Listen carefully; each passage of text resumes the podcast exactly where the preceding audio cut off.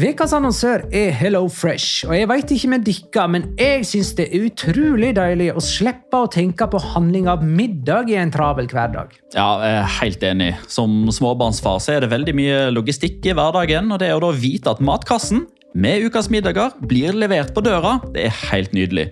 Da slipper du impulskjøp på butikken når blodsukkeret er lavt, og når du kommer hjem, kan du bare ta ut posen med dagens ingredienser fra kjøleskapet og sette i gang matlaginga.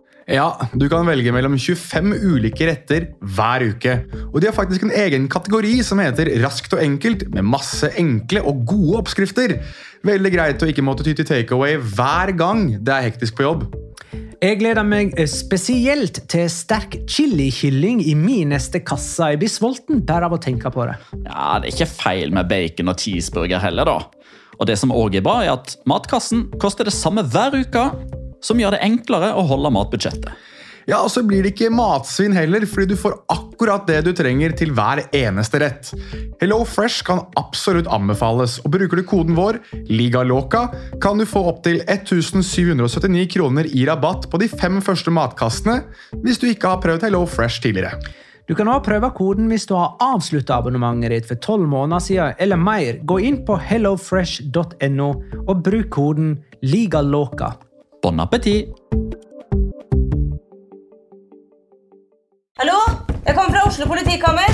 Ine Jansen er purk. Er du purk? The motherfucking bitch. Alt jeg vil, er å finne ut hva som skjedde med mannen min. Jon Carew. Er jeg sikta for noe? Iben Akeli. Det er du. Ole So, Lars Berrum og Big Daddy Karsten. Hvem sin side er du på, egentlig? Anette Hoff, Tone Danielsen. Kommer du fra Afrika?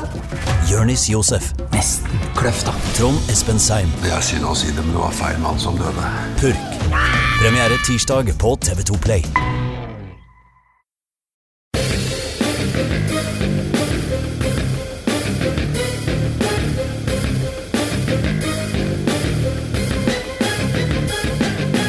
Har du sett?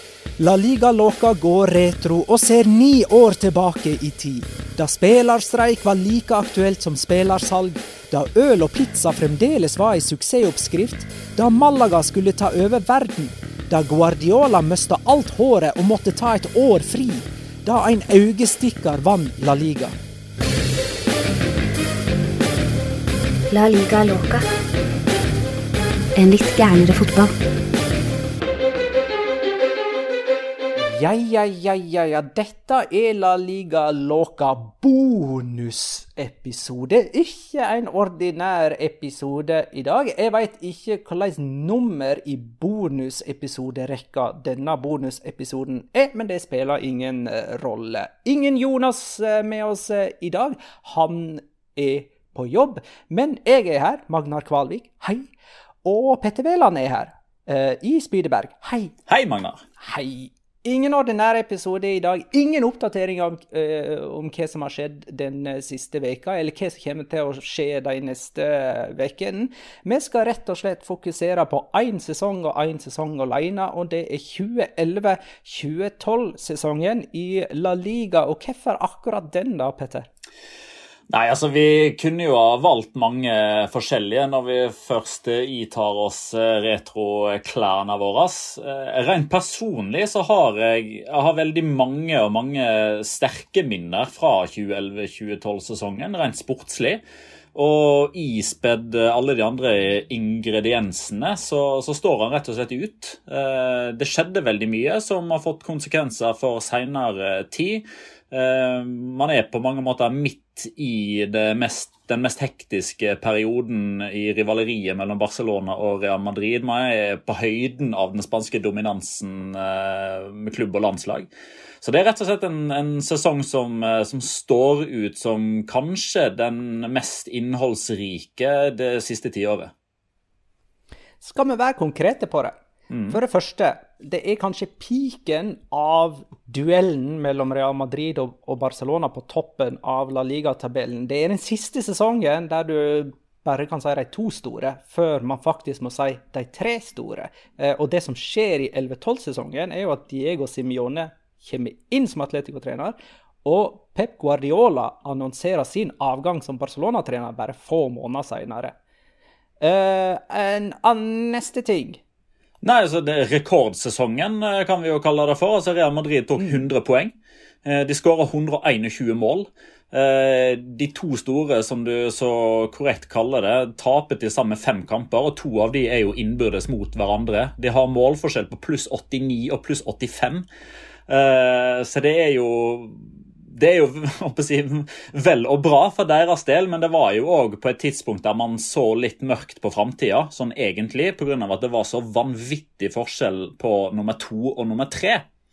Mm. og eh, det viste seg jo litt ute i Europa òg, spesielt for Barcelona sin del. Eh, og når man ser tilbake på disse El Clásico-kampene vi har hatt de siste sesongene, for å være litt i nåtid, så har man kanskje blitt litt skuffa fordi man sammenligner det alltid med de El Clásicoene man hadde på begynnelsen av 2010-tallet. Både med tanke på det sportslige nivået, men òg pga. shithouseriet og bråket og all dritet. Kan man si at eh, begrepet liga er kjedelig og forutsigbart hadde fått et skikkelig fotfeste? Og uansett nesten hva som skjedde etterpå, så satt det i trykk, eller uttrykket igjen. Altså jeg føler jo det sitter der fortsatt i dag. Ja, de sitter der fortsatt i dag. Eh, heldigvis så har man jo fått en, eh, en utfordrer i så måte da, med Atletico Madrid. Men eh, på dette tidspunktet her så var jo dominansen større enn noensinne, og man så egentlig ingen ende på det. Eh, man klarte ikke helt å forstå hvordan noen skulle kunne ta igjen det vanvittige forspranget som Barcelona og Real Madrid hadde. Eh, og på denne tida her så var jo Valencia i 2004 eh, den, den siste eh, utfordreren som hadde klart å klå både Barcelona og Real Madrid i løpet av en sesong. Eh, Så hadde jo de to lagene tatt eh, første- og andreplassen fire sesonger på rad etter det. Via Real, en eh, enslig svale i 07-08-sesongen som klarte å, å bryte den duopolien, som man eh, kalte det for. Og så kom jo den ene rekordsesongen etter den andre, og det var vanligere med 6-0 enn poengtap for de to store. I motsetning til det man ser f.eks. denne sesongen, da, der eh, Real Madrid har avgitt poeng i 11 av 27 kamper. Barcelona har tapt fem kamper allerede denne sesongen. Det var jo det var jo utopi å gå inn mot en sesong og spå at Real Madrid eller Barcelona kom til å tape fem kamper. Det skjedde rett og slett ikke. Eh, og så var det vel òg en sesong, eller i alle fall en periode, der La Liga sjøl innså at noe faktisk måtte gjøres. Ja, det var det. Og, og der var jo faktisk eh, Altså På denne tida her så jobba jo vi for eh, Kanal Pluss. Eh, som på, altså på dette tidspunktet her hadde La Liga-rettighetene og tok det veldig på alvor. Og bygde opp med studiosendinger, og vi hadde eksperter i studio og norske kommentatorer på masse kamper. Og man reiste jevnlig ned for å kommentere, og når man reiste ned for å kommentere, så hadde man gjerne òg et oppdrag med å lage en, en reportasje eller to eller tre til, til disse studiosendingene som skulle være. da. Eh, Og jeg husker En av de eh, reportasjene som jeg husker det ble mest eh, føss rundt i Spania, det var jo faktisk det at Sevilla-president José María del Nido eh, uttalte seg på sånn måte Han kalte det i hvert fall en liga de mierda, altså en skittliga, uh, fordi TV-avtalen var så enormt skjevt fordelt. Fordi på dette tidspunktet så var det klubbene sjøl som forhandla fram sine avtaler, og i alle avtalene så var det viktigst å ha Real Madrid og Barcelona. Så de fikk jo skyhøye summer, mens resten ble avspist med smuler. Uh, Ja, de forhandla fram sine egne TV-avtaler. på en Ja. måte. Og- klubb for klubb hadde egen TV-avtale. Absolutt. I motsetning til det som er nå, der det er en kollektiv fordeling med 25% i bånn som, del, som deles likt, og så har man en langt eh, jevnere fordelingsnøkkel nå enn hva man hadde da. Eh, og dette hadde jo pågått helt siden eh, midten av 90-tallet, at de spanske klubbene framforhandla individuelle TV-avtaler med TV-selskapene. Eh, og så var det jo først eh, rundt sånn 2014-2015 at Javier Tebas, som tok over som La Liga-president i 2013, klarte å få dette her igjennom. Men prosessen starta rundt 2011, da spesielt, eh, og f.eks. da José María del Nido begynte virkelig å bruse med fjærene. Eh, Man så det enorme økonomiske skillet som, som eh, på mange måter var en avspeiling av tabellen. Eh, og man fikk jo òg en form for konsekvens rent sportslig med at den skjøre økonomien til nesten alle andre klubber enn Barcelona og Real Madrid på mange måter da var direkte årsak til at den første serierunden ikke ble noe av da den egentlig skulle bli spilt. Jeg skal bare nevne to grunner til, til at denne sesongen er ganske spesiell. Det ene er prestasjonsnivået. altså Cristiano Ronaldo eh, han skåra 46 seriemål og ble likevel ikke toppskårer. Og rivaleriet mellom Barcelona og Real Madrid var så intenst at man var nødt til å omplassere det i eh, terminlista de påfølgende årene, fordi at det ødelagte rett og slett for deres europacupdeltakelse denne sesongen her. Så det skal vi komme tilbake til. Men for å ta opptakten til denne sesongen, da, du var jo inne på det at uh, første serierunde ikke ble noe ting av. og Det har jo med økonomien å gjøre. Mens Barcelona og Real Madrid tjener feite euros, så er det mange klubber som faktisk sliter med å betale for varmt vann i dusjene sine. Eller mange. Hvis jeg sa mange nå, så overdriver jeg. Men det fantes klubber som var i den situasjonen i Primera Divisjon. Og det som i alle fall var en realitet, var at flere fotballspillere ikke fikk lønn etter avtaler. Ja, det var vel Var ikke det Levante som sleit med varmt vann på treningsanlegget sitt? Jo. Eh, altså lurer jeg på om i hvert fall Racing Santander eh, var blant de store synderne hva angår de ikke betaler lønn. Eh, og her var det jo da spillerne som gikk til streik eh, via og gjennom og støtta av spillerforeningen AFE, som vi gjentatte ganger har sagt er Spania sitt svar på NISO. Så nå skal jeg ikke si det flere ganger i denne La Liga Loca-podkasten. Eh, men, men, det var jo på mange måter katalysatoren som gjorde at La Liga som forening, eller LFP som det heter da, Liga de Fotball Professional, skjønte at eh, hvis vi skal ha noe som er form for realistisk håp om at La Liga som produkt skal bli like populært eller mer populært som Premier League en eller annen gang i framtida, så kan man ikke ha sånne historier som dette her hengende over seg. Eh, og eh, det var jo på mange måter òg en litt sånn skamplett for den spanske eh, sjølfølelsen og, og, staten òg. Altså, på en måte så er jo det å gå ut i, i streik er jo ofte et, eh, et, middel som man tar i bruk. Og i Spania så, så streiker man oftere enn i Norge, rett og slett pga. at den økonomiske situasjonen er som den er. Og dette her var jo på dette tidspunktet her så var jo den spanske finanskrisen og boligkrakket og alt det der fortsatt ganske ferskt. Man hadde ikke helt kommet seg over det, og det gjorde jo at den økonomiske situasjonen totalt sett var enda verre enn hva den individuelle TV-avtaleordninga skulle tilsi.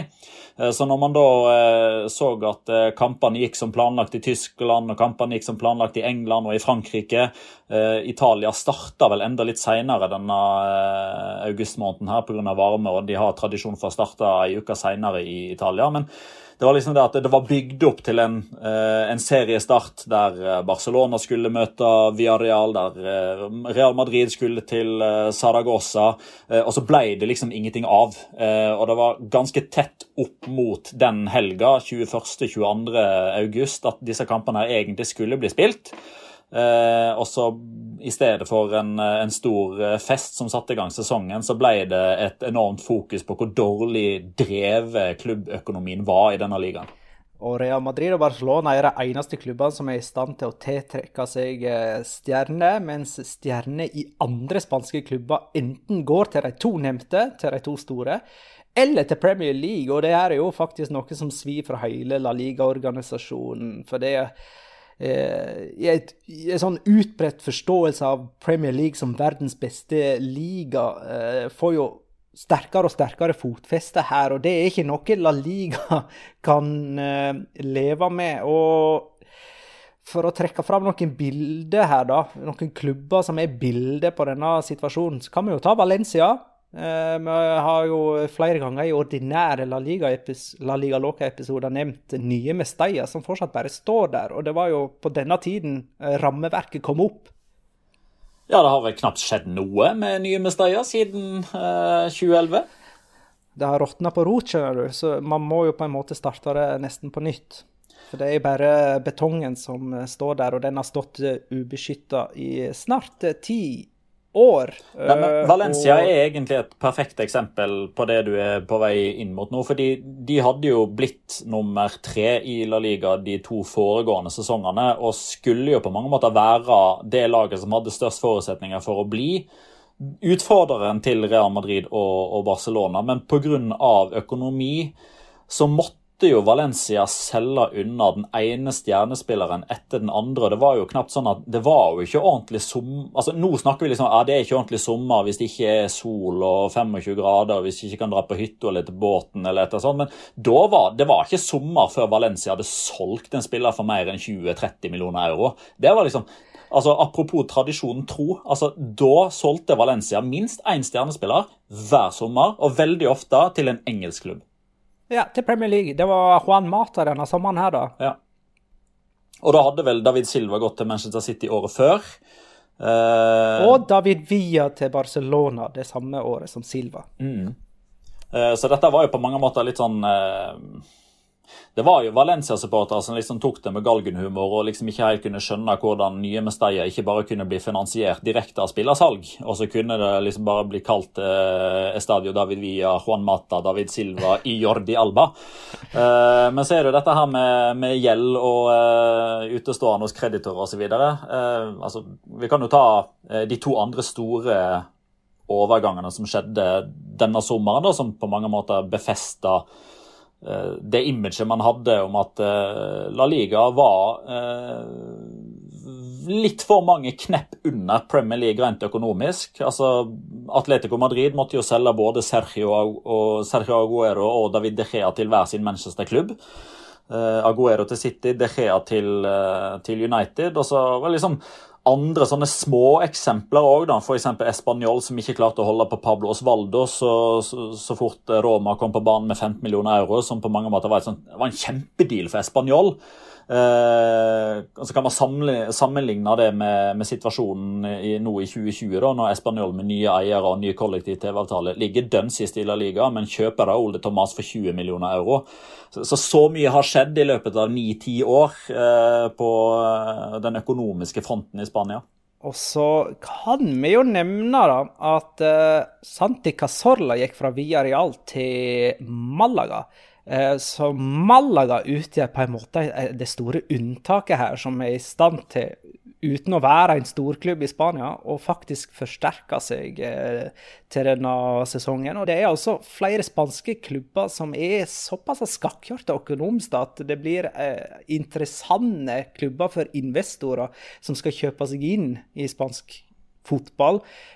og det går jo til helvete med Racing Santander Eh, på dette tidspunktet. Og så tenker vi kan det gå bedre med Malaga? Eh, vel, denne sesongen her skulle jo gi oss eh, et inntrykk og lede oss på villspor, rett og slett. Men skal vi gå i gang med sesong Ta en nøkkelrunde og begynne med runde nummer fem. Der Sevilla og Valencia møter hverandre 24.9.2011. 11. Her tenker jeg faktisk, siden vi begynner med dem, at vi like godt kan gjøre oss ferdig med disse to lagene først som sist. For det at uh, Ja. Kommer til det. Sevilla slår Valencia 1-0 her. Um, da har Valencia nettopp vist muskler eh, med 2-2 hjemme mot Barcelona runden før det. Unai Emeri har faktisk vist taktiske finesser som uh, som Valencia-trener. Han har jo den her eh, Jordi Alba og Jeremy Mathieu-kombinasjonen på venstresida, der ingen veit hvem som er venstre back og venstre kant. De bare justerer det seg imellom underveis og, og justerer det etter situasjoner.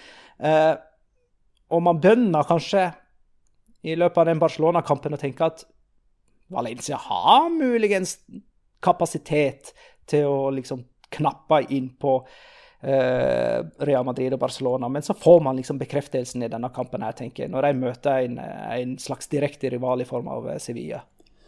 Ja, Det er jo gjerne litt sånn at uh, man spenner bein på hverandre. Det var jo veldig ofte den uh, fornemmelsen man hadde og det inntrykket man fikk. At hvis det var noen som hadde mulighet til å begynne å holde følge med Real Madrid og Barcelona i begynnelsen, så, så, så, klarte man ikke det. Og veldig ofte på litt sånn imploderende vis. Og, og akkurat den kampen mellom Sevilla og Valencia var jo Den var jo òg selve Kall det bekreftelsen på at de, de var heller ikke gode nok, for dette her var en grisete kamp.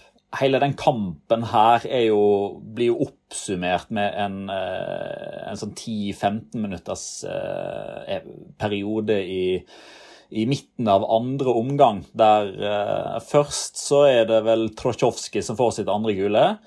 Uh, og Valencia er liksom Da er de allerede på vei inn i kampen. Uh, og så ble jo Sevilla redusert til ni spillere. Escodé ble utvist for å frata motstanderen stor målsjanse. Og av alle, da, naturligvis, Eva Banega setter ballen i stolpen. Eh, og På dette tidspunktet så var det liksom bare et spørsmål om tid før Valencia da skulle få utligninga, og da var det tid nok til å òg få vinnermålet. Spille med to mann mer. De skulle komme tilbake inn på vinnersporet, fortsette den gode seriestarten. De skulle holde ut, eh, de skulle slå følge med Barcelona og Real Madrid, i hvert fall til november, kanskje desember. Eh, men så er det denne situasjonen, da, og det er sikkert mange som husker det allerede. Men så kanskje demrer det litt for dem når vi forteller kort om den. Men det er jo denne Eh, når eh, Emir Spahic og Fernando Navarro klarer å irritere og tirre fram en reaksjon fra Adi Tadoris der ballen er 40-50 meter unna. Altså ikke liksom, det er ikke i nærheten av å være en relevant situasjon, men som ender da med utvisning for Adoris, som, som tråkker, eller liksom sette foten ned i det som da skal være gress, men der har liksom Spahic eh, satt foten sin, da, og, og får liksom veldig vondt når, eh, når knottene treffer han, og så Fernando Navarro da, som står og hopper og spretter for å liksom gjøre dommer oppmerksom på det. og Dette var en sånn shithousery eh, som man eh, i langt større grad så i spansk fotball på, eh, på dette tidspunktet enn hva man gjør nå. Eh, Valencia endte jo 20 poeng bak de to store sesongen før, og skulle enda 30-40 poeng bak de denne sesongen her, og var altså poengmessig, selv om de endte på tredjeplass, så var de poengmessig nærmere nedrykk enn å bli nummer to. Uh, og dette ble da Emeri sin siste Valencia-sesong, og var, han fikk brev fra Valencia-fansen om å bare pakke sakene sine og reise i en litt sånn her fuck you sjargong. Eh, og det ble òg siste sesongen der Valencia faktisk ble nummer tre. Eh, sesongen etter så skulle Pellegrino ta over, og han varte bare ja, tre-fire måneder. Marcellino var her Sevilla-trener i 2011-2012-sesongen, men han skulle få sparken sånn noenlunde halvveis. Sevilla tok òg store steg tilbake. De eh, ja, det gikk vel fra femteplass sesongen før til niendeplass i denne sesongen her. Marcelino overlevde altså i 21 serierunder. Vi hopper til runde nummer ni, eh, der vi kan snakke om noe mer positivt. 26.10.2011 da vinner Levante sin sjuende strake seriekamp og topper La Liga for første gang i klubbens historie. Eh, og Seiersrekka her inkluderer 1-0-seieren mot Real Madrid i den tredje runden, da Ballesteros springer fra Cristiano Ronaldo i en eh, løpsduell. Og på det tidspunktet her, 26.10.2011, så snakker faktisk alle om eh, Levante. Og en av en av grunnene til at det er så moro å snakke om Levante på den tiden, her, er at eh, de klarer å sno seg rundt denne trasige økonomiske situasjonen med finurlige eh, løsninger. Eh, som du var inne på først, de hadde kaldt vann i dusjene sine. De hadde ikke råd til varmt vann i dusjene sine engang.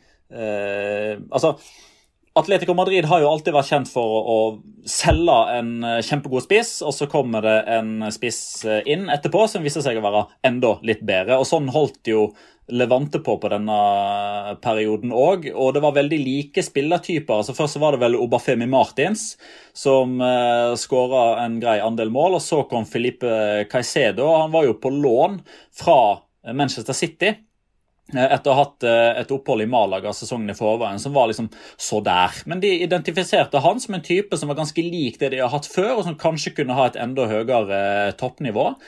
Og det svarte seg jo med at han denne sesongen her, eller sesongen i forveien, da hadde skåra 13-14 mål og hadde dermed da fått beilere i andre ligaer. Og på dette tidspunktet her så var jo Um, altså, Russisk fotball var jo på mange måter på vei opp på dette tidspunktet. her. eh, Javier Tebas og José Luis uh, Asiastaran, som var La Liga-president før Tebas, identifiserte jo faktisk Russland som en trussel for La Liga sin posisjon som nummer to på sikt bak Premier League. Rett og slett fordi eh, Moskva-klubbene hadde gått med penger. Zenit begynte å vokse. Anshi, husker man. Rubin Kazan var ute i Europa, hadde jo slått eh, Barcelona, blant annet.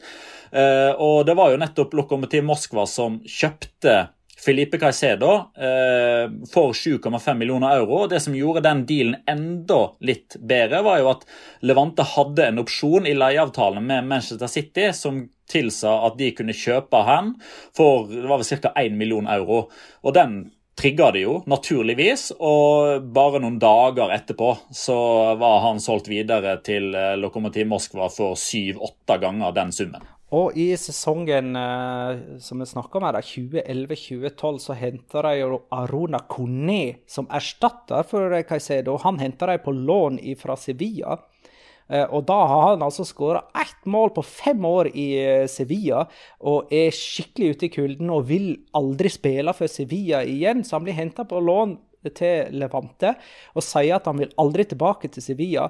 Men for å være på den sikre sida Sevilla vil jo òg kvitte seg med han, men de får ikke solgt han, de får bare lånt han vekk. For å være på den sikre sida så sørger Sevilla for å få en klausul i denne låneavtalen med Levante at hvis Arona Cornet mot alle odds skulle klare å skåre 18 mål, ja, så må han returnere til Sevilla sesongen etter. Så når det gjenstår tre serierunder av denne sesongen, her, og Arona Kone har skåra 17, da får han en mystisk skade.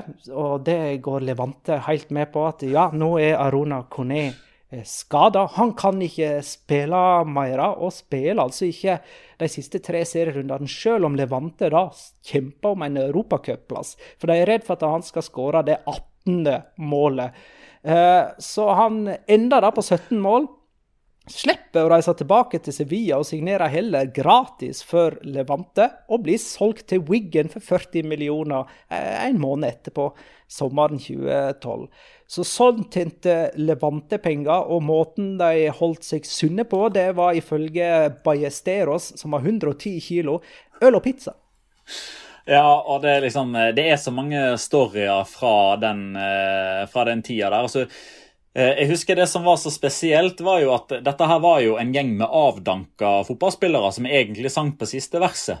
Eh, det var ikke noe sånn at uh, veldig mange av de som var gode for Levante denne sesongen, har blitt kjempegode fotballspillere i andre klubber i etterkant fordi de var 21, 22, 23 år på vei opp og fram. Nei, nei, nei. nei. Dette her var karer som sang på siste verset. Altså, Keeperen var jo Gustavo Monoa. Han var 33 år gammel og holdt på dette tidspunktet her Keilo Navas på benken. Keilo Navas spilte én kamp for Levante denne sesongen, her, og vi vet jo hva som skjedde med Keilo Navas i etterkant, men han var ikke med eh, på, på, dette laget her. Og de hadde jo en, eh, en backfirer som i godt over halvparten av kampene hadde en snittalder på 34, der midtstopper Nano, som da var 31 år, var unggutten. Uh, vi har jo vært inne på Sergio Ballesteros, uh, som har gitt oss dette uh, uforglemmelige øyeblikket der han på overtid sprinte fra Cristiano Ronaldo og dunke ballen unna. Og I tillegg så var det jo høyrebekken Javi Venta var 36, som Ballesteros, og venstrebekken Juan Fran var 35. Og i tillegg, no, Noen av de som bidro offensivt, og i tillegg til Arona Corné, det var jo 32 år gamle José Maria Barquero, det var 33 år gamle Francisco Farinos. Det var 32 år gamle Ruben Suárez med det vanvittige venstrebeinet, som jo for øvrig skåra det målet. Eh, og Det husker jeg som om det var i går. Det var midtuke, altså Den kampen som gjorde at de leda La Liga etter ni serierunder. De spilte først to uavgjorte, og så vant de sju strake. Den syvende seieren det var en midtukekamp mot Real Sociedad på hjemmebane. Da sleit de. De lå under, i hvert fall 0-1. Jeg tror de lå under 2-1 òg. Men helt på tampen så var det en frisparksituasjon der Ruben Suárez skåra. Og det er klart, de, de, hadde jo blitt omtalt på samme måte uansett. Men jeg tror ak akkurat den skåringa der, og det at de tok den syvende strake seieren, gjorde at man, man løfta de enda litt mer. De skulle jo selvfølgelig ikke holde eh, førsteplassen fra runde ni helt inn, men uh, at Eh, de eh, skulle ende på en sjetteplass, er jo ikke for kollaps å regne. Det er suksess. Det var første gangen de kvalifiserte seg for eh, Europacup. Annerledslaget eh, Levante. Vi hopper til runde 13. Eh, 26.11.2011. Da har Real Madrid tatt over tabelltoppen og møter Atletico Madrid på Santiago Bernabeu. Og her kan vi egentlig jo bare feie igjennom og si liksom alt som før i Madrid. Eh, Real Madrid vinner 4-1. Atletico blir ledet av Gregorio Manzano, og Real Madrid-fansen etterlyser en verdig derbymotstander. Ja, det, om ikke famous last words, det var det jo ikke. Men uh, de, de, fikk jo det ønsket oppfylt. Uh, og så tror jeg kanskje de angra lite grann. At det gikk troll i ord. Og egentlig den kampen her var jo òg egentlig litt sånn som Sevilla-Valencia. At man, man, hadde kanskje et lite håp om at denne gang så skulle Atletico Madrid klare å ta storebroren. På dette tidspunktet her så leder jo Real Madrid La Liga med tre poeng. Og alle som ikke har hjertet i Real Madrid eller Barcelona, som bare er generelle fotballsupporter eller supporter av et annet lag, eh, i hvert fall tenker jeg sånn, og da regner jeg med at folk også, eh, at andre òg tenker sånn, at det laget som er nummer én i La Liga, ønsker man gjerne skal avgi poeng, sånn at nummer to kan komme litt nærmere. Men vil jo ha den spenninga hele tida. Så eh, I forkant av den kampen så tror jeg veldig mange håpet at kanskje var det Atletico Madrid sin tur. Og så får de jo også, altså, De får jo en god start. Altså Adrian skårer jo kampens første mål. og så skjer jo det som, eh, som, alltid skjedde på den tida. da. Eh, så kan man jo si at det var liksom fullt fortjent, og det var helt riktig at eh, typisk nok da, Thibaut Courtois ble utvist, og Cristiano Ronaldo var den store protagonisten når Real Madrid snudde og til slutt vant, vant 4-1. Men dette var jo det siste Madrid-derbyet før, før Diego Simione tok over, og den verdige derbymotstanderen, den fikk de jo. Eh, men på dette tidspunktet så er det elleve år siden Atletico har slått Real Madrid mm. i eh, derby. Vi skal ikke helt forlate runde 13 med den kampen der. Vi skal gå til Real Sociedad i den samme runden, der Inigo Martinez skåra i et oppgjør mot Real Betis fra egen banehalvdel. Eh, og det sjuke, i tillegg til at han skåra fra egen banehalvdel, er jo at dette er andre gang han gjør det denne sesongen, for han gjorde det òg i runde seks. Og det var i Bas Basker-derby mot Atletic. Så etter 13 serierunder så har Inigo Martinez skåra to ganger fra egen banehalvdel for Real Sociedad. Først mot Atletic klubb, som er hans klubb i dag, og så mot Real Betis. Det som òg er litt moro, er jo at uh, Vadim Demidov var jo midtstoppermakken til Inigo Martinez på uh, dette tidspunktet. Og han opplevde jo disse to skåringene fra nært hold, og vi har fått uh, tak i Vadim Demidov, som sjøl kan få greie ut om disse opplevelsene med Martinez som uh, målskårer fra egen banehalvdel ganger to. Ja, det er jo noe som Det er sykt at folk ikke drar opp de skåringene hver uke på Twitter eller noe annet. For det, det er ganske spesielt å gjøre det i debutsesongen sin i La Liga som midtstopper. Eh, jeg hadde jo en assist på den ene, faktisk, og det er jeg fornøyd med. Ja, nå Bilbao, ja. Det er jeg som gir han den ballen eh, på min egen banehalvdel der. Så gjør han resten. Eh, en assist er en assist. Nei, det, når han gjorde det, altså. Han hadde ikke gjort det på Visste at han hadde en bra fot. Han hadde ikke gjort det på trening, akkurat. Men uh, den skåringa Folk mener jo den mot Betis er kanskje den ser finest ut på TV, men vi som kan fotball, den skåringa mot Bilbao er helt vanvittig. Med tanke på hvordan den ballen fra den forlater foten hans, og den aldri er høyere enn tverrliggeren nesten, og er fortsatt knallhard når den når, når målet.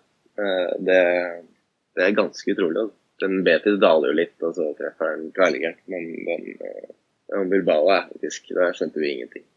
Og i et basketderby, ikke minst. Så nei, for meg var det uten tvil årets mål akkurat det mot Bilbao. OK, runde 15 skal vi hoppe til nå. 10.12.2011. Da er det tid for El Clásico nummer én. Eh, og jeg har lyst til å stoppe litt ved oppspillet til det oppgjøret. Fordi at Gerard Piquet har akkurat satt dette fenomenet tarjeta forsada på verdenskartet. Ehm, det er altså å kalkulere i gule kort for å beregne sjøl hvilken kamp man soner karantene i. Og det Piquet har gjort for å sikre seg spill i El Clásico, så pådrar han seg sitt femte gule kort gule kort to runder tidligere på såpass vitsete vis mot Rayo Vallecano at sjøl dommeren må flire, men på en måte òg resignere og gi Piquet det gule kortet. Alle vet at Piquet er ute etter et, et, et gult kort mot Rayo Vallecano, sånn at han kan sone karantene i neste serierunde og dermed være klar igjen til El Clásico. Igjen kan vi vise til Vadim Demidov, som eh, i La Liga var godt kjent med fenomenet Tarjeta Forsada på det tidspunktet. Ja, det husker jeg. Jeg husker det fenomenet der uh, velkjent, det. Alle visste hvor mange gull man hadde. Uh, hele tiden, egentlig. I forhold til hvilken uh, kamp man skulle se på om man var i faresonen. Det, det, er jo rett og slett taktikk, det også. Jeg husker jeg tenkte på det hele tiden selv.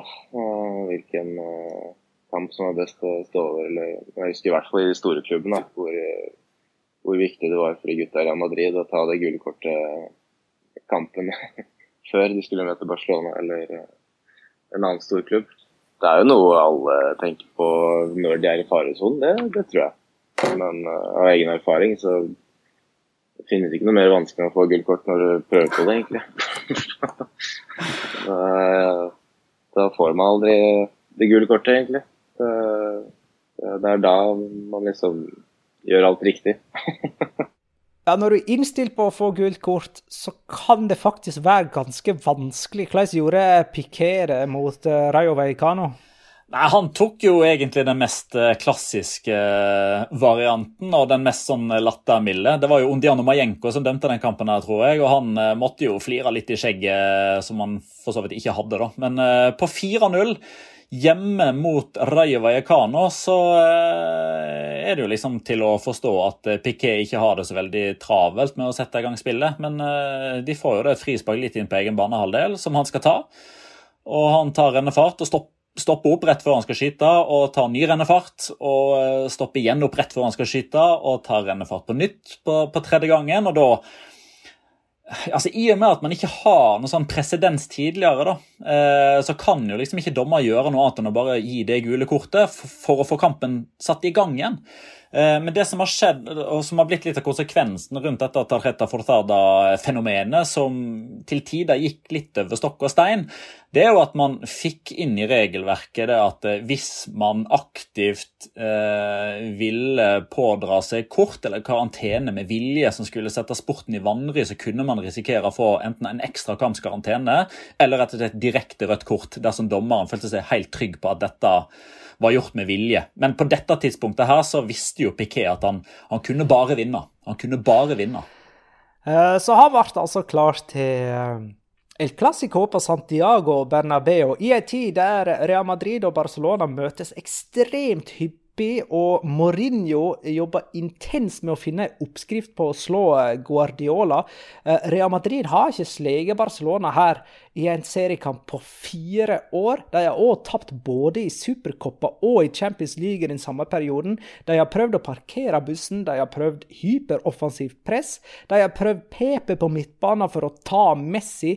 Mourinho har til og med prøvd å stikke ut øynene på Tito Villanova noen, måneder i forveien. Det gjorde han jo i det Supercoppa-møtet rett før sesongstarten. Likevel skal man si at Real Madrid-optimismen er ganske stor framfor dette møtet. her, for det at De har ti strake seire i eh, La Liga. De er tre poeng framfor Barcelona.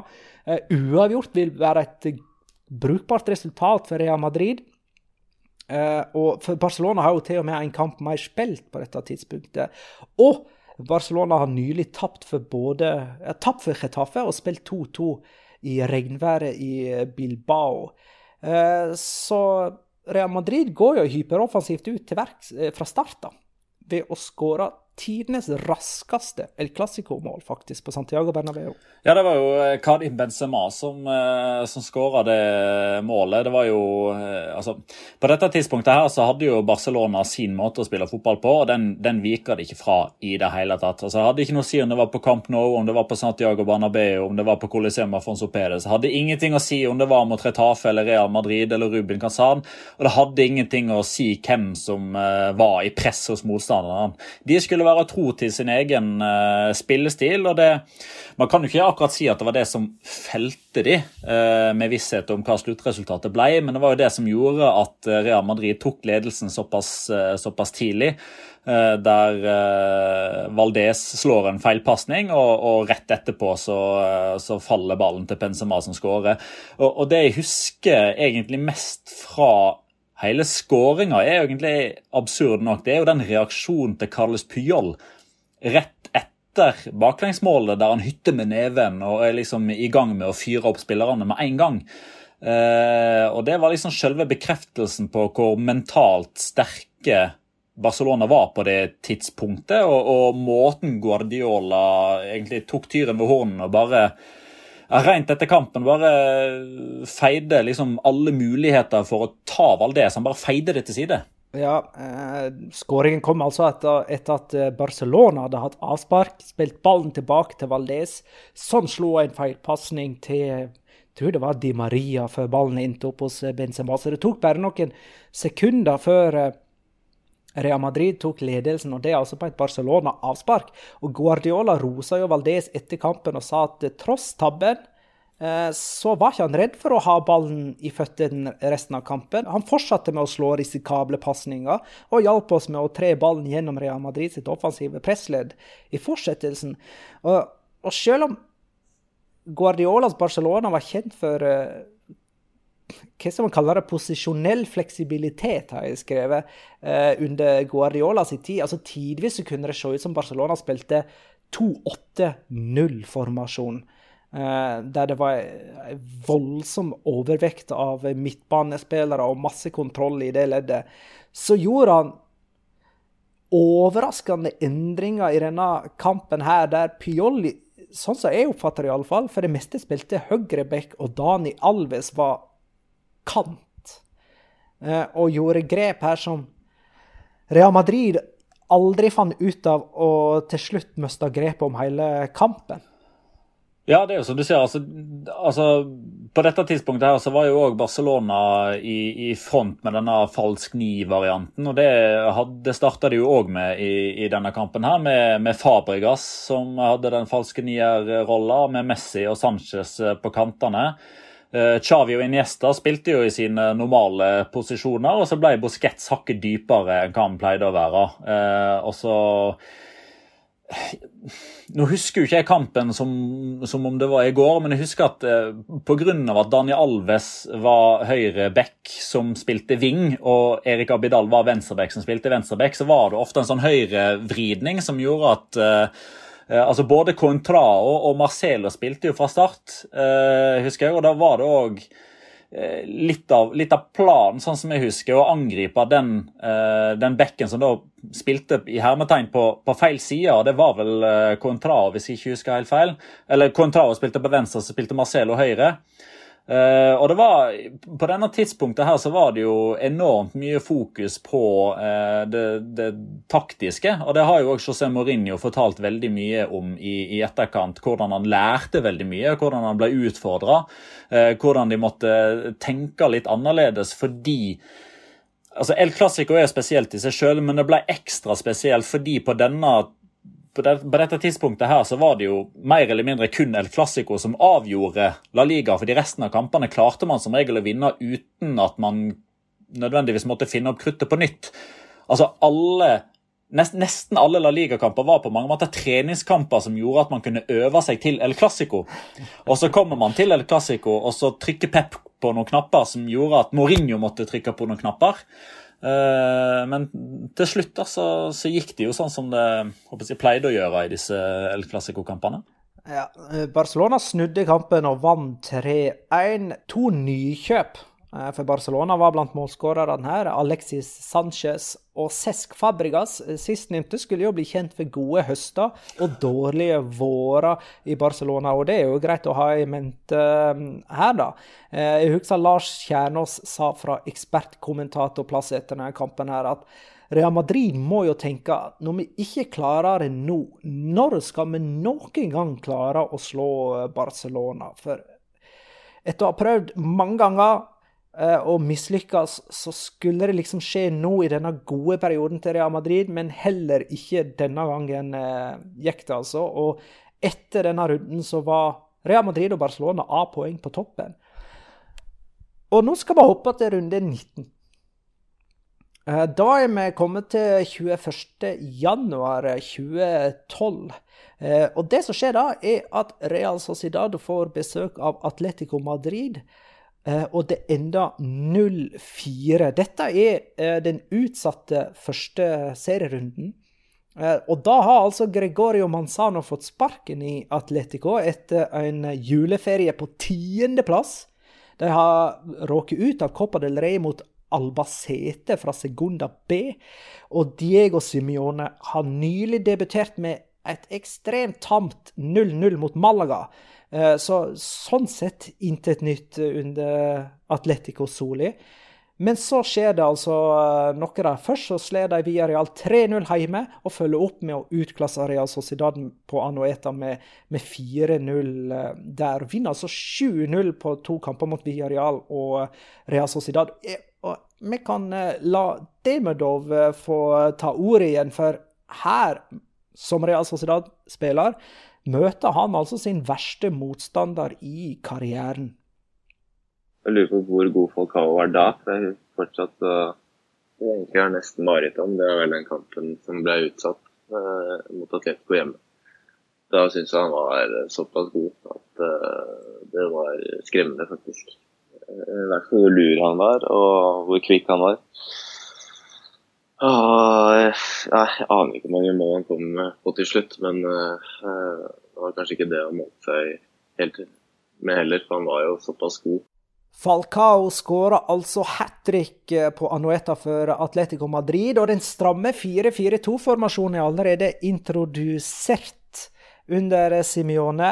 Atletico slipper inn et eneste mål på de første seks seriekampene under den tidligere spilleren sin. Og I den samme perioden her så sled de Lazio 4-1 over to kamper i Europaligaen. Men likevel, sånn som jeg husker det på, eh, i 2012, da, eh, tidlig i 2012 Jeg hadde ikke tro på Atletico Madrid og Diego Simione. Jeg, jeg bare hadde ikke tro på det. altså, jeg mener jo at selvfølgelig Jeg har jo tatt så feil som jeg kanskje noensinne har tatt, ved å si at jeg ikke hadde troa på Diego Simione. Se på Diego Simione nå, det går liksom ikke an å ta mer feil.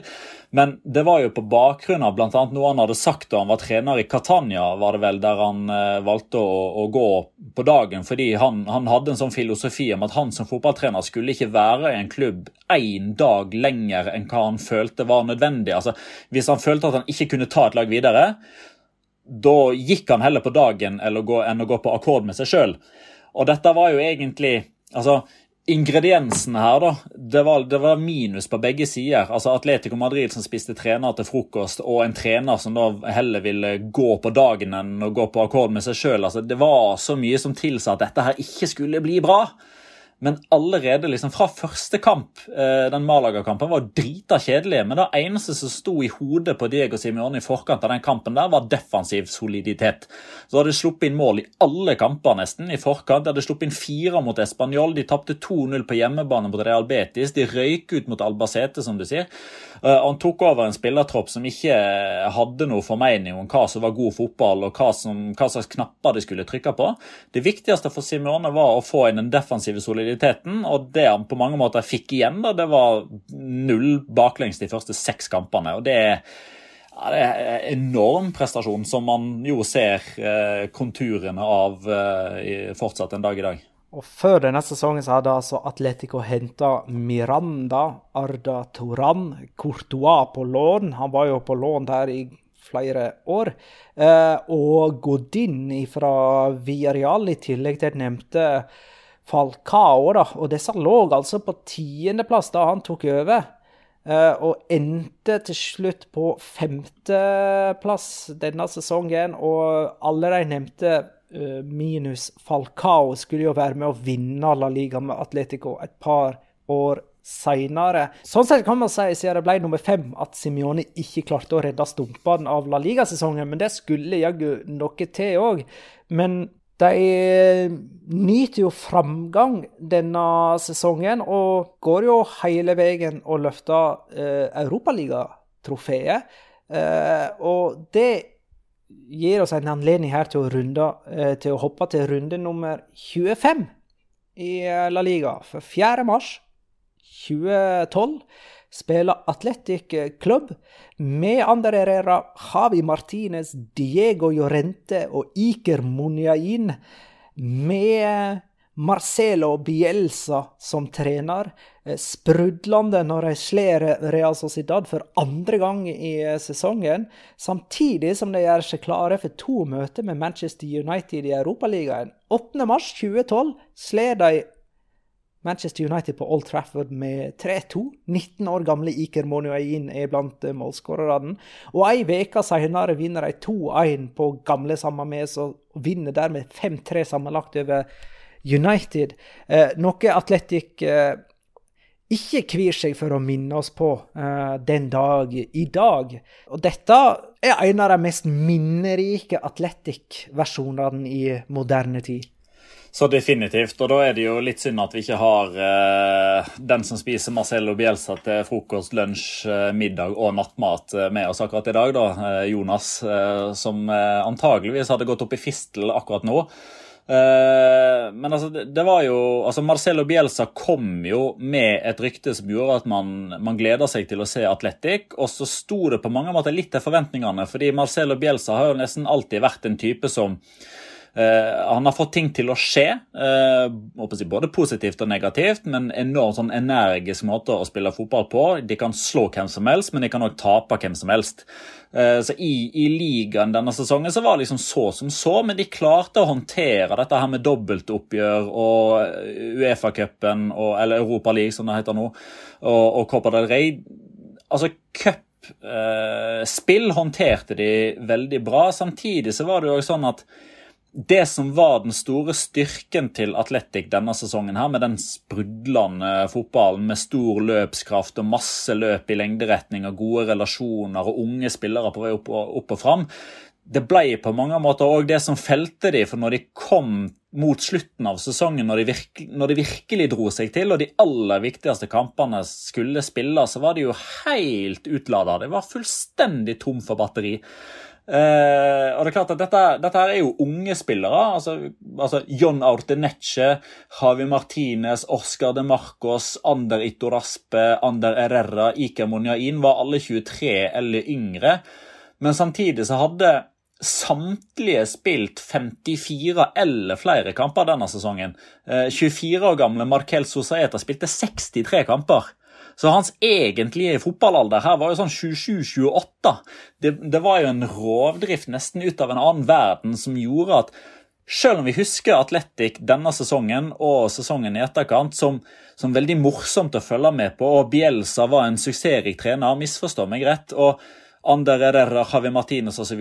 fikk jo sine overganger til større klubber senere, basert på det de presterte under Marcelo Bielsa. Men allikevel så, så står jo sesongen igjen som, som en sesong i, det, i tapets øye, da.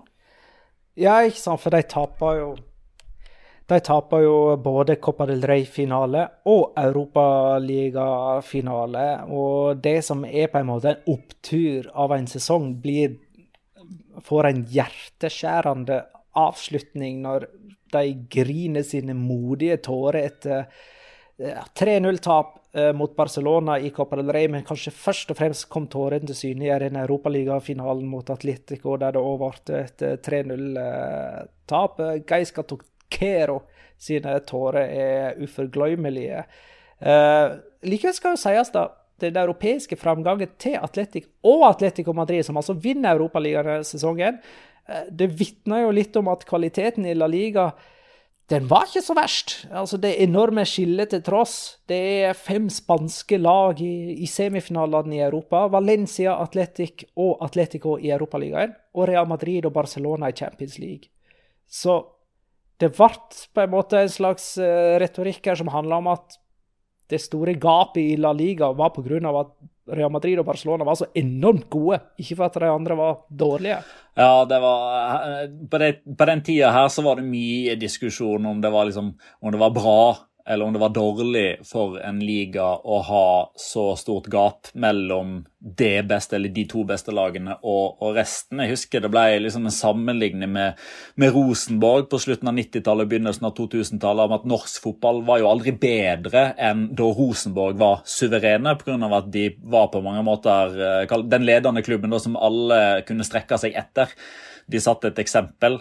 Eh, og man ser det jo på mange måter litt nå òg, da. Altså, ta Premier League, da, f.eks. For forrige sesong, med City og Liverpool som er fullstendig suverene. Det skjer jo den sesongen England tilfeldigvis, eller ikke tilfeldigvis, har to lag i Champions League-finalen og to lag i Europa League-finalen. Eh, så den debatten kommer nok til å fortsette, uansett om det er 2012 eller 2020 eller 1992 som står på, eh, på kalenderen. Men på dette tidspunktet her, da Altså, den våren og sommeren 2012 man skulle ha fryktelig gode argumenter for å gå imot de som mente at Spania var nummer én, eh, basert på, som du sa, eh, hvor mange spanske lag som gikk langt i Europa.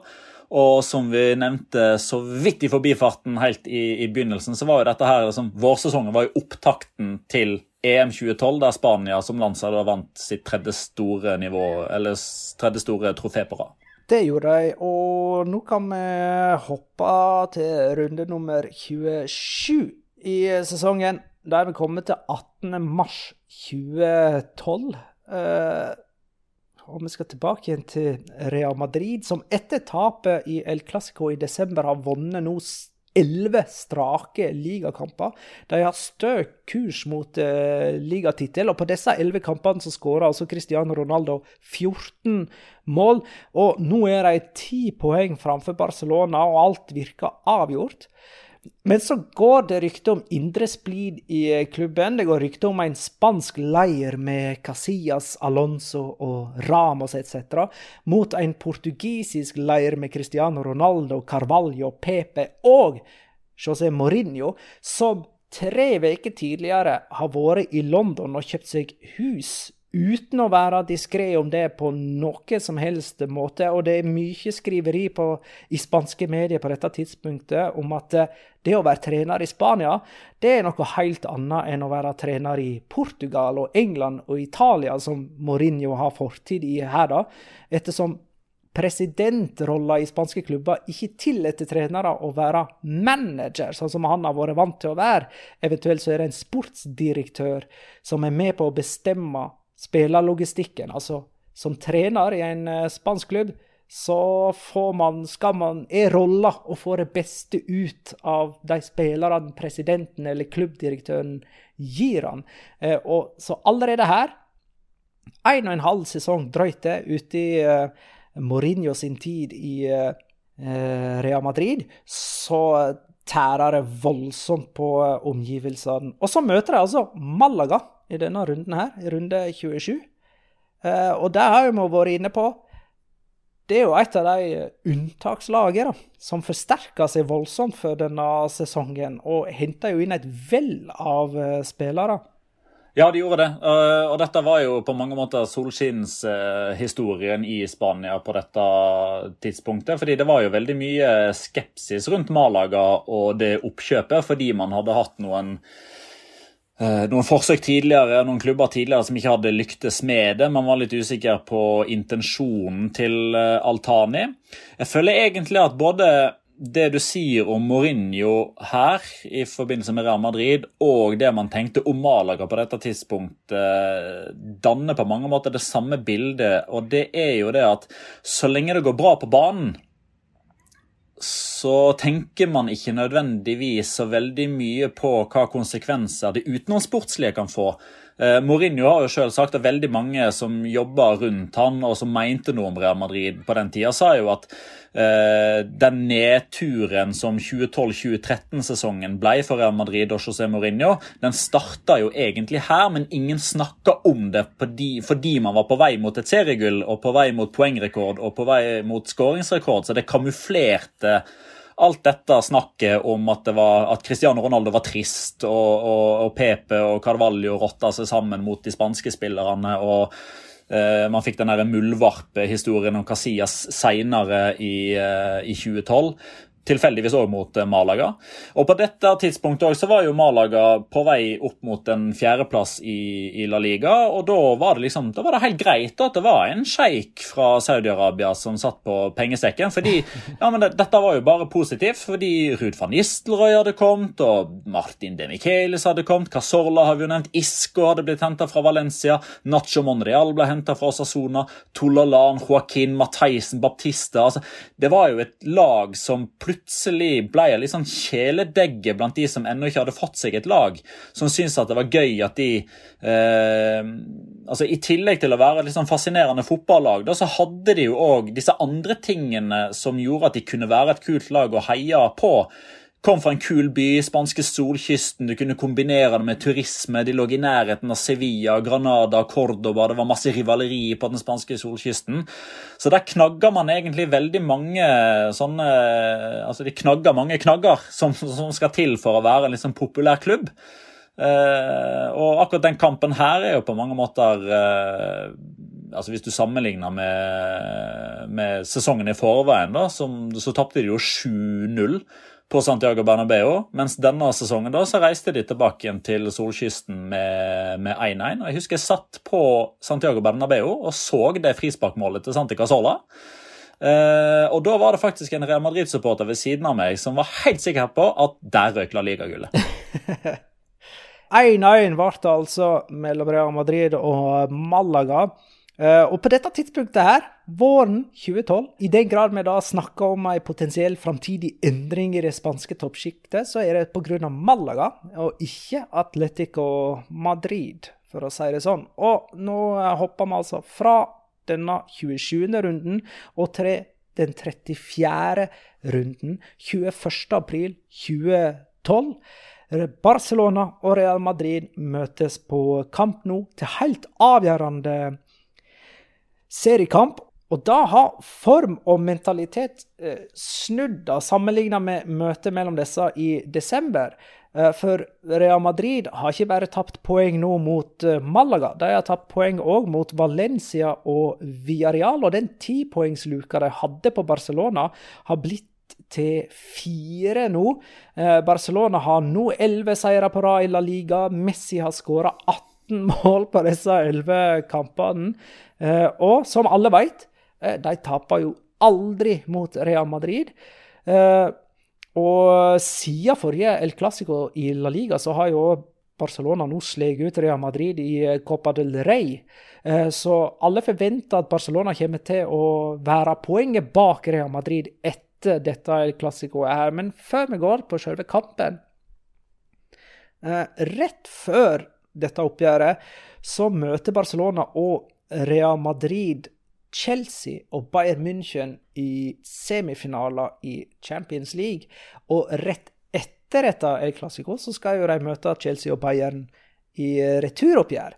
Så dette er jo et El Clásico som er skvisa inn mellom to semifinaleoppgjør i Champions League, og både Barcelona og Real Madrid ryker ut av Champions League. Og dette har jo fått konsekvenser konsekvenser for ettertiden. Ja, det var jo det du nevnte tidligere, med at uh, si, kampoppsettet ble på mange måter forandra. Og, og, det gjelder jo på mange måter fortsatt. Uh, og jeg husker også for noen sesonger tilbake igjen så møttes de faktisk såpass seint. Altså, da hadde La Liga i hermetegn da, eh, trukket, eh, eller satt opp eh, El Clásico til å være i runde 36, eller hva det var for noe.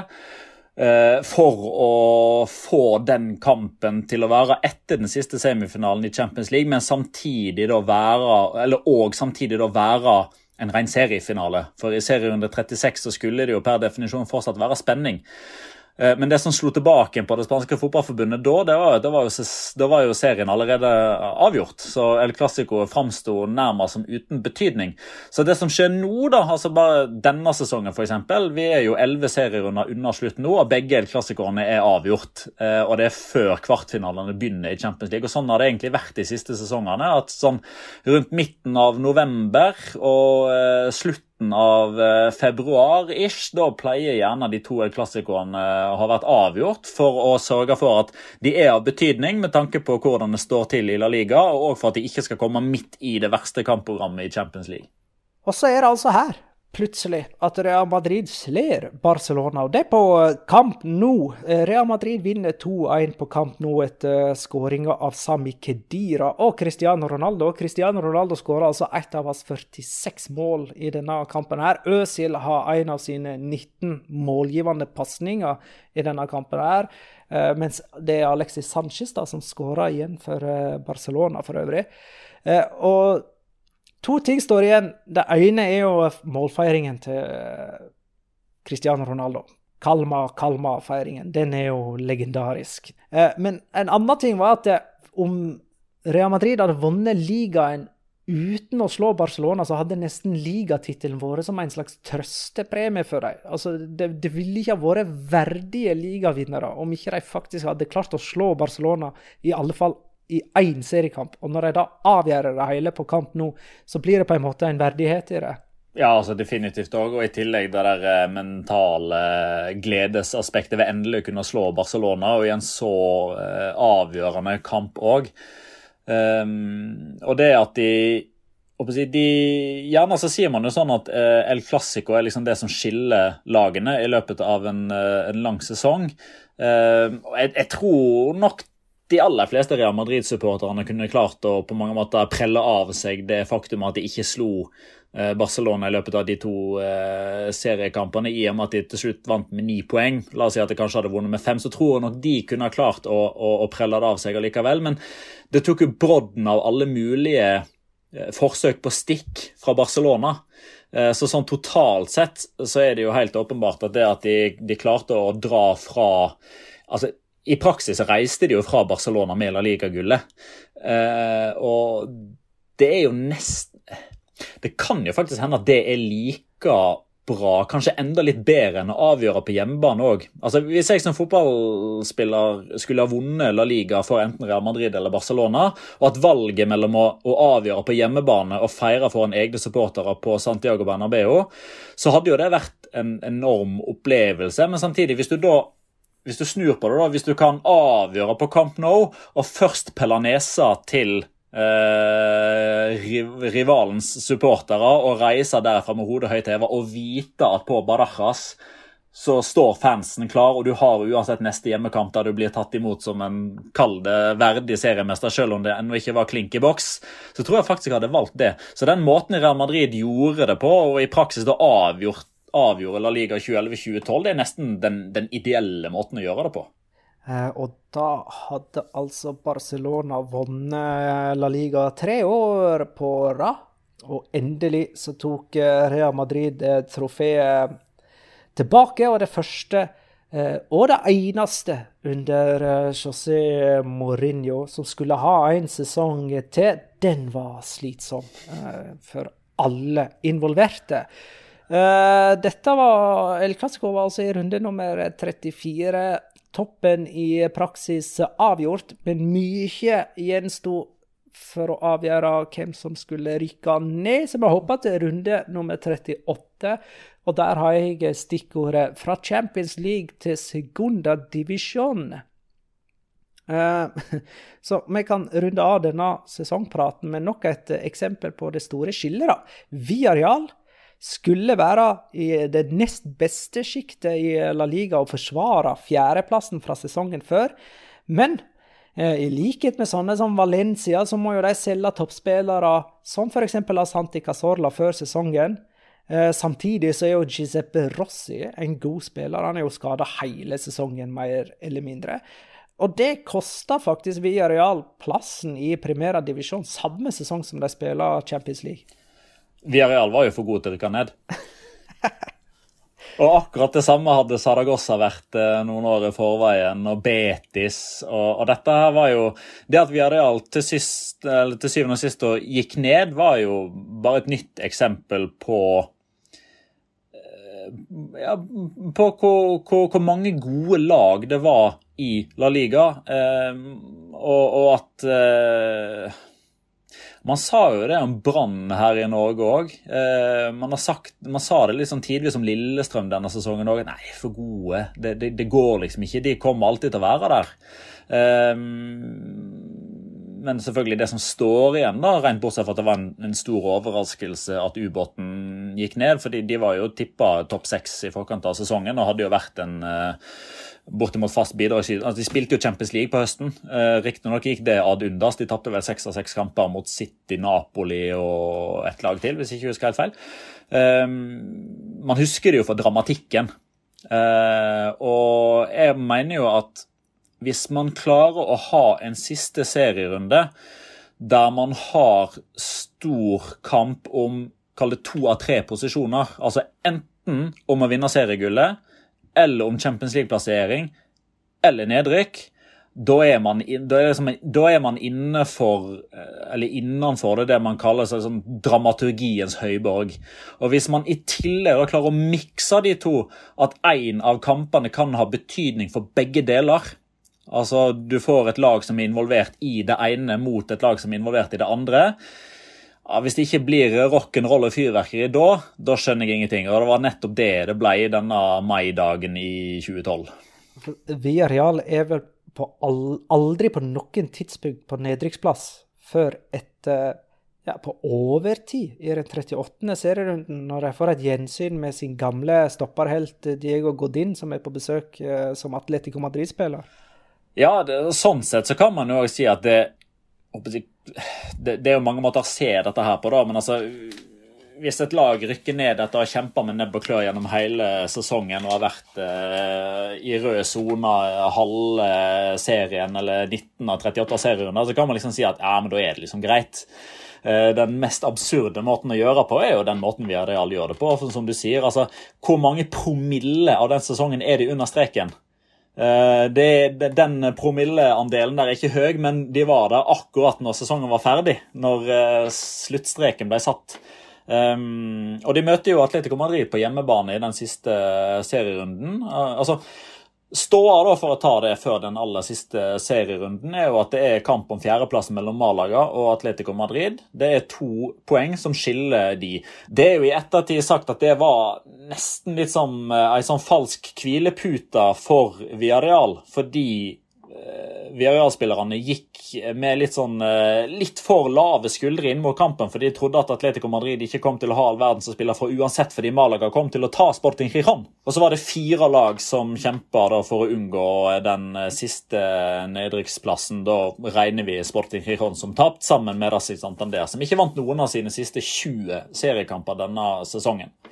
Eh, så det er jo altså De flestes fokus er jo på Villarreal Atletico Madrid, fordi det er den største kampen. Det er to, eh, to store lag. Et historisk et stort lag, og et uh, lag som har gjort det veldig bra de siste årene.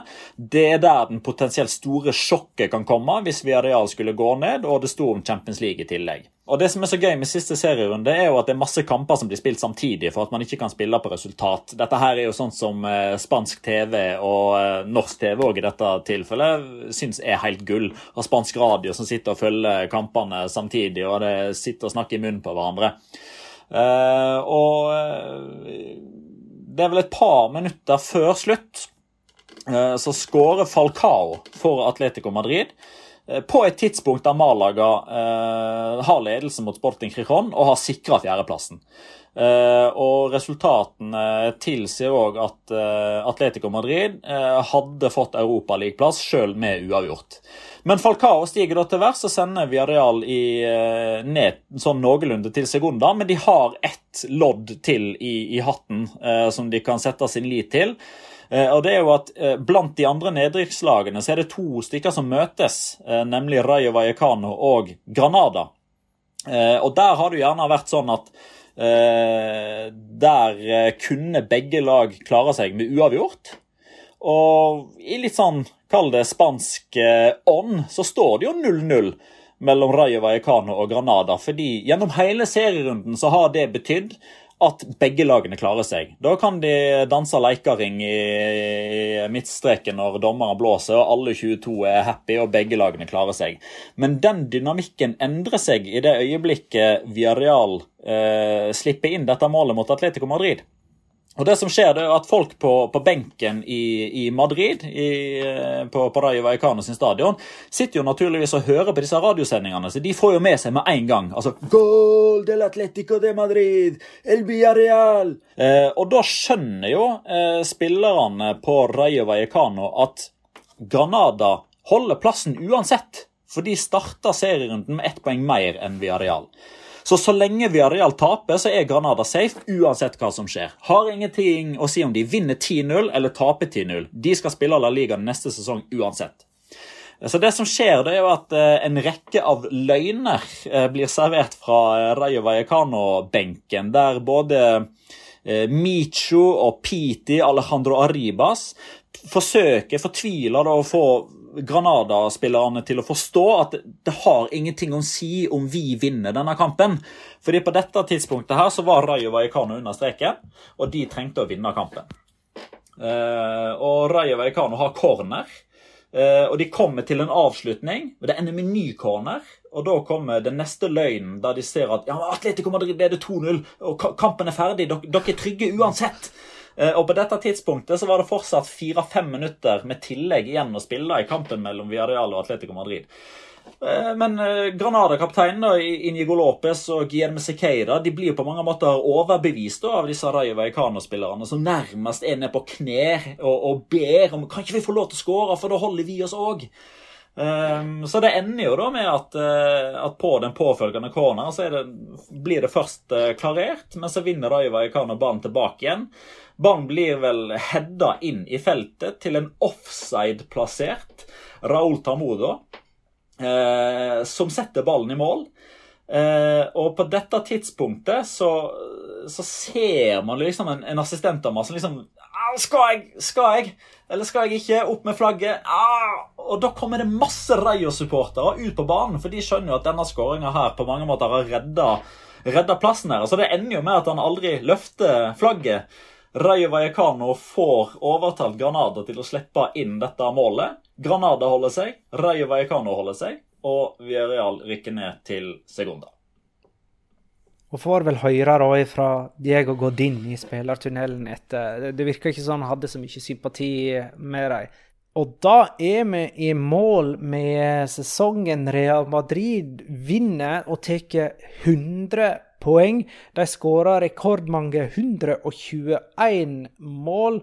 Uh, Cristiano Ronaldo altså 46 av dem, mens Lionel Messi blir toppskårer med sinnssyke 50 skåringer i La Liga. Han enda vel på 73 totalt den uh, sesongen. Han ble toppskårer i Champions League òg. 50 mål i La Liga, det kan bare Messi slå. Og knapt nok det. Jeg tror den rekorden kommer til å stå ufattelig lenge uh, forbi min levetid. Det som skjer rett etter klassiker nummer to, bare noen dager etterpå, da er vi vel fortsatt faktisk i april, det er at eh, Pep Guardiola eh, går offentlig ut og sier han gir seg som Barcelona-trener. Da har jo vært spekulert eh, i det en stund. Eh, og altså, Én ting er at han er liksom ufattelig suksessrik. Han, han er med å vinne 14 av de 18 turneringene de deltar i under hans eh, fireårsperiode. Men en annen ting er at har vi noen gang støtt på en så suksessrik trener som gir seg fordi at han er trøtt og rett og slett trenger et år fri i en så ung alder? Nei, jeg kom ikke på eh, Altså, folk må gjerne arrestere meg og si at, at det har skjedd andre steder, men det, det har neppe skjedd på dette høye nivået her. Eh, altså, vi fikk jo liksom sjokk eh, da meldinga kom. Og da tenkte vi sånn OK, har han fått tilbud, liksom et tilbud som han ikke kan takke nei til et annet sted? Eller uh, har, det, har, det, skjedd noe mm, personlig som gjør at han velger å, uh, å, å trekke seg på den måten her? Men så så viste det seg eh, at, basert på egne uttalelser at han, han, var rett og slett utslitt etter de fire årene som, som Barcelona-trener. Og det er på mange måter med på igjen da, å poengtere hvor enorm den prestasjonen er. Eh, og at eh, det er liksom ikke bare å, å flyte på eh, ei stor medgangsbølge når man vinner ting osv. Når, når man er en type som Pep Guardiola, som, som, tenker fotball til stadighet, og som aldri er fornøyd, og som alltid har lyst til å dra det videre, som har lyst til å kalle det utvikla fotballen sin hele tida, så gikk det rett og slett til et punkt der man Eller der han da følte at nå, eh, nå var det nok.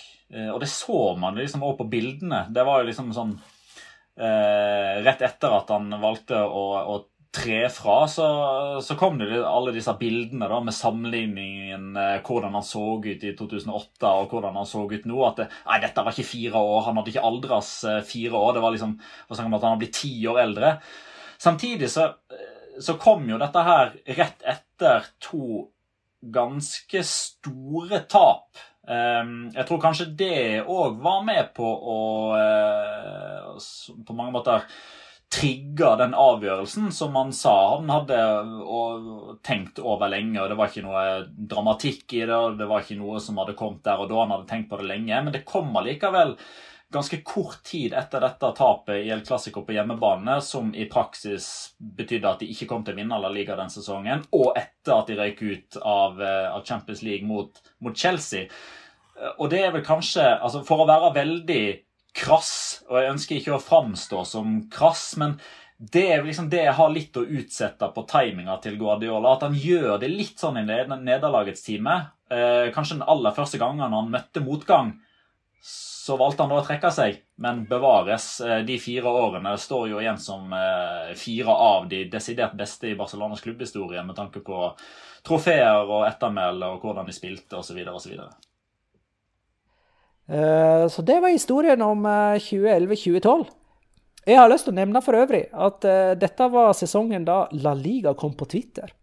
Ah, ja. Visste du det, eller? Nei. November 2011 kom La Liga på Twitter. Hey. Eh, og det sier faktisk litt om en, en litt åpnere informasjonsflyt på, på, dette tidspunktet enn det man kanskje var vant til i forkant. Ta dette med Eh, spillerstreiken eh, før eh, runde én, det nådde faktisk da ut til hele verden. Det ble ikke bare en spansk nyhet, det nådde ut til alle, og alle globalt hadde innblikk i detaljene i hvorfor det ble spillerstreik. Og det var veldig dårlig reklame for La Liga. Og de fant jo etter hvert ut at de måtte sjøl ut i sosiale medier og prøve å styre bilde av seg sjøl der. Det kom med engelsk konto først i 2016, bare sånn for å ha sagt det. Dette var jo helt på tampen. Dette var jo òg for øvrig den eh, sesongen der Malaga tok fjerdeplassen med pluss én i målforskjell. Eh, og der Osasona ble nummer sju med minus 17 i målforskjell, mens Viareal rykka ned med minus 14. Eh, det var den sesongen der Ivar Vallecano beholdt plassen til tross for 73 baklengsmål. Det var Paco Remus-fotball på sitt aller beste. Så dette Ja, skulle det, skulle det, vise seg at man ikke kommer i gang med La Liga 1920 igjen i midten av juni, sånn som det har vært planen hele tida, så skal jeg virkelig gjøre det jeg kan for å få lasta ned kamper fra 11-12-sesongen og nyte den på nytt.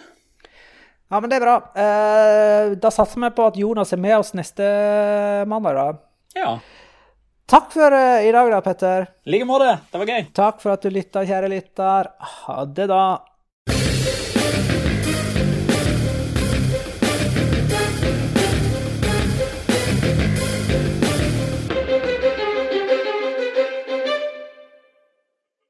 Har du et enkeltpersonforetak eller en liten bedrift? Da er du sikkert lei av å høre meg snakke om hvor enkelt det er med kvitteringer og bilag i fiken, så vi eh, gir oss her, vi. Fordi vi liker enkelt. Fiken superenkelt regnskap.